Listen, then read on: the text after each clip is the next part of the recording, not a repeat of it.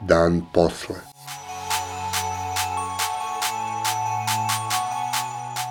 Podcast o krizi i njenim posledicama.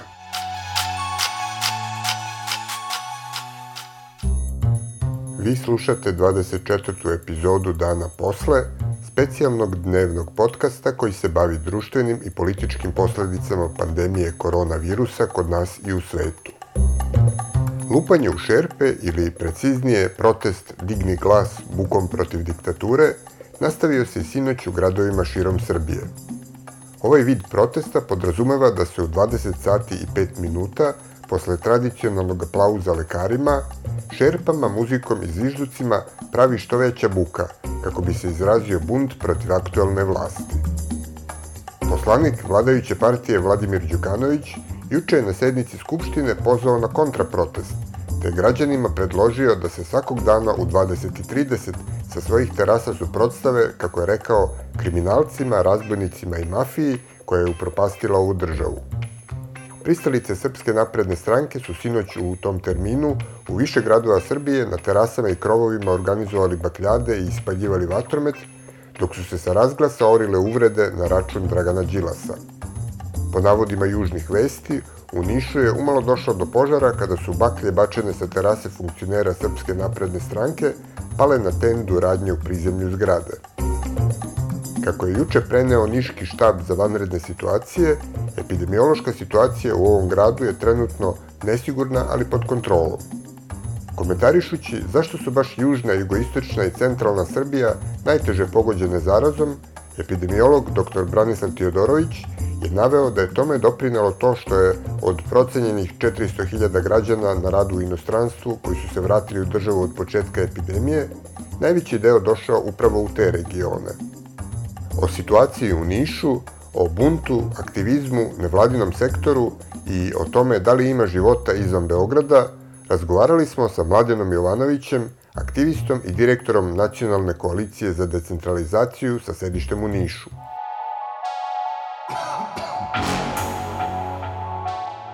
Dan posle.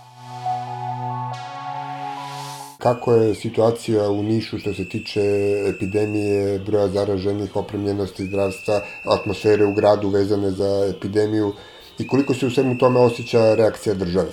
Mi nemamo tačne podatke o Nišu i ne znamo ni koliko je zaraženih, ne znamo nažalost ni koliko je ljudi umrlo u Nišu jer su se iznosili vrlo kontradiktorni podaci i to stvara jednu vrstu zabrinutosti. Mogu da vam kažem da na samom početku krize je ovde došlo do toga da smo imali baš veliki broj slučajeva Nišlije su neke e, mere karantina ili svakako socijalnog distanciranja, ali i e, neke ovako građanske opreznosti ušli još pre nego što je krenulo vanredno stanje, rekao bih, jer ovde su bili ti prvi slučajevi i ljudi su od samog početka pokazali dosta visok stepen opreznosti. Ja bih rekao, nešto što se desilo juče na RTS-u je više nego skandalozno, a to je da je voditeljka RTS-a u dnevniku najavila uključenje svoje koleginice iz Niša i razgovor sa svojom koleginicom iz Niša je počela dobroveče, da li su Nišlije promenile svoje ponašanje? To pokazuje da zapravo postoji jedna vrsta neverovatno diskriminatornog odnosa posebno, pazite, na javnom servisu koji bi trebalo zaista svima nama da pripada, I takođe ukazuje na još jednu stvar, to je ta tendencija nekog javnog narativa da okrivljuje ljude za ono što se dešava. Cela Srbija zna da je Niš u problemu, cela Srbija vidi da Niš ima najveći broj slučajeva i pazite, ovako pitanje praktično odmah implicira da se već zna da su ljudi krivi. Građani su krivi što se ne ponašaju kako treba. Da li se ništa ne ponašaju? Sa druge strane, iz onoga što i vidimo i čujemo u vestima, postaje više nego očigledno da je veliki broj ljudi zapravo zaražen u, samo, u, u, u praktično kontaktu sa sistemom. Mi imamo veliki broj lekara koji se razbolao. Mi imamo veliki broj, nažalost imamo jedan broj lekara koji je stradao u celoj ovoj situaciji. Imamo takođe i situaciju sa bolesnim policajcima i vojnicima koji su čuvali objekte i nažalost više nego tragičnu situaciju sa dva doma za stara lica. Kako se u vanrednom stanju e, snašao civilni sektor nevladine organizacije, odnosno udruženja građana, ali i neke neformalne inicijative koje su bile aktivne pre ovoga, koje imaju neke svoje korisnike i, i aktiviste u lokalnoj zajednici. Šta oni sad rade, čime se bave, da li ih uopšte ima negde? Taj izuzetno značajan deo civilnog društva, to su te samonikle, lokalne organizacije, neformalne grupe, su ponovo pokazali jedan veći stepen fleksibilnosti, rekao bih, i vidimo puno tih nekih lokalnih inicijativa koje su direktno smerene na podršku lokalnim zajednicama, ne znam, akcije gde se šiju maske, kreiraju prave viziri za zdravstvene radnike, humanitarne akcije, pomoć starijima. Vidimo da te male inicijative, čak i neke potpuno nove su nastale u ovoj situaciji i zaista moram da kažem da je taj segment uh, sjajan, da je on izraz jedne solidarnosti koja postoji i u civilnom, ali izvan civilnog sektora, taj deo civilnog društva je zaista ovako i, i možda zadobio neko novo poverenje u celoj situaciji. Što se tiče već postojećih i etabliranih organizacija, nažalost to nije situacija baš podjednako dobra. Mi imamo jedan broj organizacija koji jeste reagovao i bio vrlo aktivan tokom celog ovog perioda, ali imamo i solidno veliki broj organizacija koje su već duže vreme etablirane i poznate, ali koje su potpuno pasivizirane u ovoj situaciji. Moj utisak jeste da je ta pasivizacija došla delimično usled straha, jer je više nego očigledno da je taj pritisak države zapravo dodatno suzio prostor i da je prostor za delovanje civilnog društva dosta manji. Ja verujem da zbog takvih stvari uh, se jedan deo civilnog društva boji. Uh, međutim, drugi deo civilnog društva tu takođe postoji koji uh, je i tekako zavisan od fondova koji dolaze iz javnog sektora.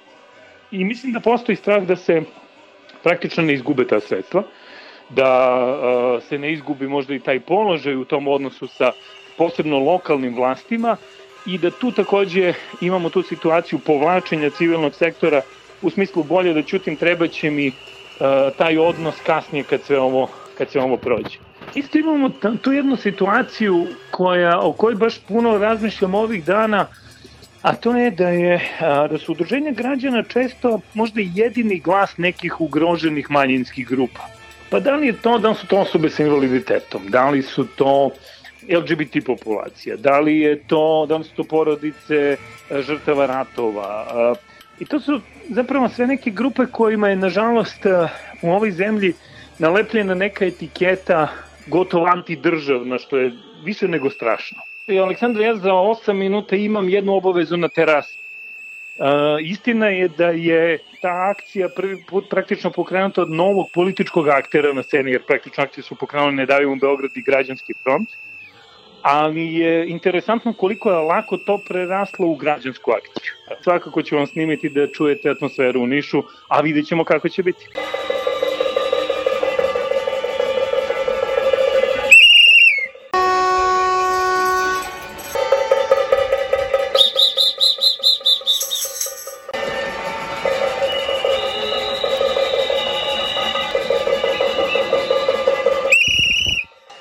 Danas je čak i najglasniji dan bio, ja sam vam poslao snimak da čujete kad, kad smo počeli akciju pre jedno tri dana je prvi put da, da, je, da smo, eto, supruga ja izašli na terasu i možda je bilo osim nas još 3-4 čoveka u našem komšiluku koji su učestvovali u akciju. U akciji, a sada je zaista broj dramatično veći bio. Ovaj, ali ajde vidjet ćemo kako će kako će dalje ići ono što je interesantno evo na, na našoj Viber grupi unutar organizacije jedna od koleginica je prijavila da je neka uh, gospođa starija koja živi ispod nje izašla na terasu i da je vikala da je fašista i da mrze Srbiju. Ovaj. Tako da, interesantne se stvari dešavaju, zaista. Da, šta nam u stvari govori ovaj neočekivani protestni pokret? E, e, kojom dinamikom je krenuo da se razvija i šta bi po toj logici moglo da bude ili trebao da bude neki korak dalje u, u postojećoj situaciji? Ja mislim da je ovaj, ovaj protest došao kao jedan značajan ventil jer uh, puno ljudi je u strahu. Puno ljudi uh, u ovom vanrednom stanju osetilo da um, praktično država širi taj neki svoj uticaj i pritisak i rekao bih da, da je puno ljudi nosilo nezadovoljstvo sebi koje nikako nije izražavalo, nigde nisu imali da kažu šta, šta misle, a verujem i da se ljudi boje da kažu šta misle o ovakvoj situaciji I mislim da je puno ljudi iznenađeno ovom akcijom. Znači, baš prethodnih dana u susreti ovde sa komšijama, mnogi su rekli kao pa ne, mi nismo ni znali šta je to, čuli smo neku neko lupanje, o čemu se radi, ko to organizuje, o čem, znači, mislim da je dosta sada već i krenulo, ajde da kažem, to širenje akcije od komšije do komšije, od uh, jednog do drugog i ne, zato čini mi se da akcija polako sve više pripada građanima. A sad možemo da pretpostavimo da će to sad da se razvija e, nekim tempom, nekom dinamikom, u nekom trenutku će doći do nekog plafona, šta, šta posle? Sve izvesnije da mi pravo izvanrednog stanja ulazimo u završnicu predizborne kampanje i ulazimo u jedan uh, žestok izborni proces. I ono što je, što je veliko pitanje jeste kako će i opozicija reagovati, da li će i ko će izaći na izbore. I mislim da će vrlo brzo ovaj uh, talas i tog nekog nezadovoljstva da se sada okrene i usmeri svoju pažnju u izborni proces. Da li je opozicija tome dorasla? Da li je vlast dorasla sad ovakvoj polarizaciji? To ćemo kroz to videti. Ja bih rekao da je možda u neku ruku i šteta što je tako. Upravo zato što, što je ovo prilika da a, se politički procesi otvore, da se izbace iz malih krugova a, komunikacije unutar političkih partija i tih političkih aktera, jer praktično ova akcija je iznela političko delovanje na naše terase, znači na deo našeg stana, na deo svakog stana u ovoj zgradi gde ja živim, bez obzira da li su to ovi stanovi gde smo mi koji lupamo ili neko ko je nezainteresovan da čuje to lupanje ili neko ko jeste za vlast isto čuje to lupanje i suprotstavlja se tim. Koliko god da je to tužno zvuči nažalost, to je naš prvi ozbiljni politički dijalog u ovoj zgradi i u ovom gradu nakon eh, pa možda i dobrih 5-6 godina od kako su lokalni mediji privatizovani. I možda je i zapravo jedna važna uloga civilnog društva da pokušamo da održimo građanski politički dijalog živi možda i, ne, u, i bez ikakve veze sa samim izbornim procesom, jer mislim da to jeste važno. Imamo sad najsvežiji slučaj da je uprkos vanrednom stanju zabranje okupljanja policijskom času, e, da je upravo za vreme policijskog časa na Dorčelu grupa građana izašla da spreči radove na e, izgradnji nove okretnice trole u njihovom kraju. I e, to je neki, po, izgleda kao neki početak ohrabrivanja ljudi e, da drčno izađu iz pr, prko se državi u, u slučajima kad e, osjećaju da ta država njih ugrožava. Koliko, koliko je to pojava koja može da e, dobije zamah? Dobijemo sve više informacije da se tokom vanrednog stanja zapravo praktično skriveno od javnosti donali su ljudi, donala je vlada pre svega dosta odluka koje su vrlo uh, upitne i čije ćemo posledice tek da vidimo. Stigli su da nas informacije o izdavanju građevinskih dozvola upravo za te razne kontroverzne projekte koji zapravo ugrožavaju životnu sredinu. I uh, stižu nam povremene informacije o tome da se građevinski radovi izvode upravo na tim projektima gde postoje jak građanski otpor, a gde sada ljudi ne mogu da izađu da, da odbrane uh, uh, svoj kraj, svoju reku, svoj park, svoj, uh, svoju ulicu. Uh, I to je isto tako interesantno da se ti građevinski radovi u gusto naseljenim mestima rade upravo kada krene policijski čas. Zato ne treba da, da čudi to kada ljudi prekrše policijski čas i uđu u tu građansku neposlušnost i pokušavaju da zaustave takve radove i praktično uh, sebe stavljaju u poziciju prekršaja jer uh, smatraju da je važnije da odbrane svoje pravo nego da urade prekršaj koji je zapravo sad i vrlo upitan sa svim ovim eto relaksiranjem mera da li je uopšte u redu što, je, što opstaje takva vrsta kazni koja se najavljuje ljudima koji krše policijski čas. Ono što svakako štiti ljudi u, toj, u tim situacijama jeste brojnost, jer da je mali broj ljudi izašao, sigurno bi E, gotovo svi bili kažnjeni, ovako imamo zaštitu broja praktično ljudi i to je važna lekcija nadalje.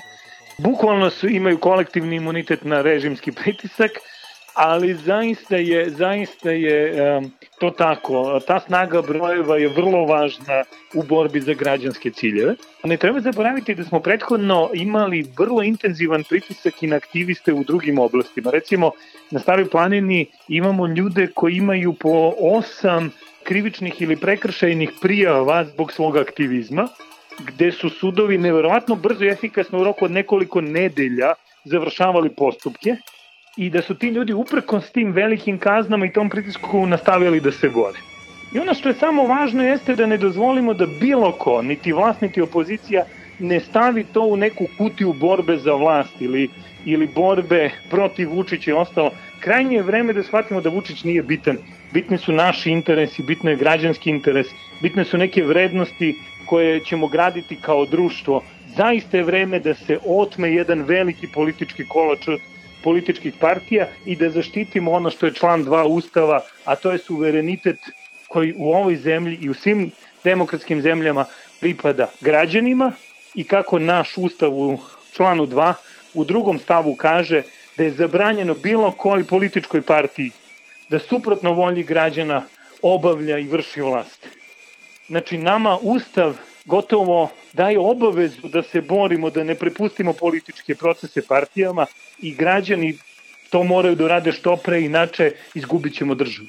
Kako bi neke konstruktivne snage u društvu, bio to civilni sektor ili kogod, mogli da na neki konstruktivan način izađu iz te matrice mi i oni u, u društvenim konfliktima i protivrečnostima? Tu neku podelu mi i oni imali smo i ranije. Znate, demokrate su bile na vlasti i bilo je stalno zastrašivanje šta će da bude ako radikali dođu na vlast. No, tako? I to je neka vrsta podela mi i oni. Rekao bi da su naprednjaci, naprednjaci to podigli na sasvim novi nivo, mi i oni, gde zapravo je ta polarizacija uh, otprilike možda čak i prevazišla stepen polarizacije iz 90. godina, što nisam verovao da ćemo se vratiti u to vreme. A sa druge strane, postoji tu jedna stvar, jedno prilično naopako uverenje koje se protura kao neka stara narodna misao da samo sloga Srbina spasava ili sloga, izvinjavam se, samo sloga Srbina spasava, što zapravo je vrlo opasna misao jer je to misao koja teži jednu umlju. Bez prilike da čujemo ra razna mišljenja, bez kulture da čujemo razlike, da čujemo sukob ideja političkih, jedno takmičenje političkih ideja pa da stvarno možemo da izaberemo najbolju, bez toga mi nemamo demokratski proces. Prilično se lako preslikava ta polarizacija u odnosu između ljudi, baš kao i u ovoj priči koju sam vam malo prepodelio, ome starije gospođe koja je napala našu koleginicu da je fašista i da mrzi Srbiju, o tako? A nije, nije se ni setila da je pita dobro sine zašto lupaš da li, šta ti to smeta? Ja ne mislim da to treba da ti smeta. I da, po, i da eventualno kaže, ajmo, ajmo kad prođe sve ovo da sednemo da razgovaramo. Tako? To je funkcionisanje normalnog društva. Nama se evo sada i Vučić u ovom intervju koji je trenutno u toku, kada ga je voditelj pitao za udaranje u lonce, on je, upravo mu je odgovor bio, pa eto, vidite, neko ne može da trpi jedinstvo. To je baš onako žestoka podvala koja sprečava razvoj političkog dijaloga kod nas. Da napravim jedan pogled u budućnost. E, jasno nam je da će e, korona definitivno promeniti svet u mnogo raznih aspekata od načina života do odnosa prema ljudskim pravima. Koja će biti ili koja bi trebalo da bude uloga, e, filozofija, prioriteti i teme građanskog aktivizma u tom no, vrlo novom svetu? Ovaj period prilično intenzivne kampanje pre svega intenzivne kampanje vlasti koja se odvija pod okriljem borbe protiv korone je dosta, recimo, rekao bih, uticao na, na, to, na taj doživljaj države i jedan od ciljeva te kampanje jeste bilo da se da prostor da a, institucije u većoj meri intervenišu u naše privatne živote. I ono što je važno jeste da povratimo i s jedne strane privatnost, ali sa druge strane i pravo na javno delovanje. Jer rekao bi da je jedan od ciljeva ovako jakog pritiska medijskog upravo da se suzi prostor za javno delovanje sa jedne strane, jer ljudi se više plaše da iznesu svoj politički stav nego pre korone u Srbiji, ali druga stvar jeste ugrožavanje privatnosti kroz, evo sada već i sve više informacije o različitim tehnologijama i načinima praćenja ljudi o koj, ko, kojima država se, i sve države ajde da kažemo, sve otvorenije pričaju, a čini mi se da se korona zloupotrebljava kao dobar izgovor da se, da se to desi. To su neke stvari koje su fundamentalno značajne za buduće naša prava, dakle, kažem još jednom, prava na privatnost, odnosno zaštitu podataka o ličnosti i druga stvar, prava na javno delovanje. Ta dva prava moramo ne samo da branimo, nego moramo ponovo da osvojimo neki prostor koji je možda već bio osvojen ranije. Druga važna stvar u, u celoj ovoj situaciji jeste da imamo i promenu institucionalne kulture u odnosu na ovo što se dešava.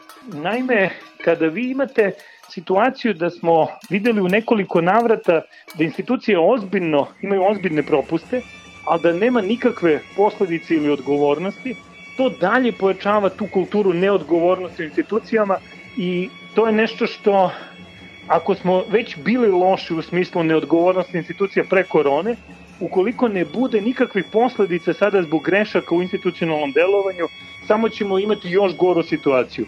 Jer ako smo mogli do sada i da pričamo da je neodgovornost institucija uticala na neke aspekte kvalitete na, kvaliteta našeg života, u koroni je to uticalo na pitanje života i smrti. I treći segment koji mislim da je važan jeste Mislim da dolazi vreme za jednu vrstu savezništva civilnog i javnog sektora, posebno onog dela javnog sektora koji je važan za kvalitet naših života, a to je prosveta, to je kultura i to je zdravstvo. Mislim da dolazi vreme kada ćemo ipak trebati da uđemo u, jako, u jake zagovaračke kampanje, da se, pre svega ova tri sistema da se sačuvaju od mera štednji i da im se obezbede dovoljno sredstva da ne samo da opstanu ova tri sistema, nego da krenu i da se razvijaju. Ako nastavimo javni novac da dajemo kroz subvencije stranim kompanijama, a da štedimo na školama, na bolnicama, ako štedimo na kulturi, pitam se ko će nas lečiti sledeći put kad dođe neka druga korona.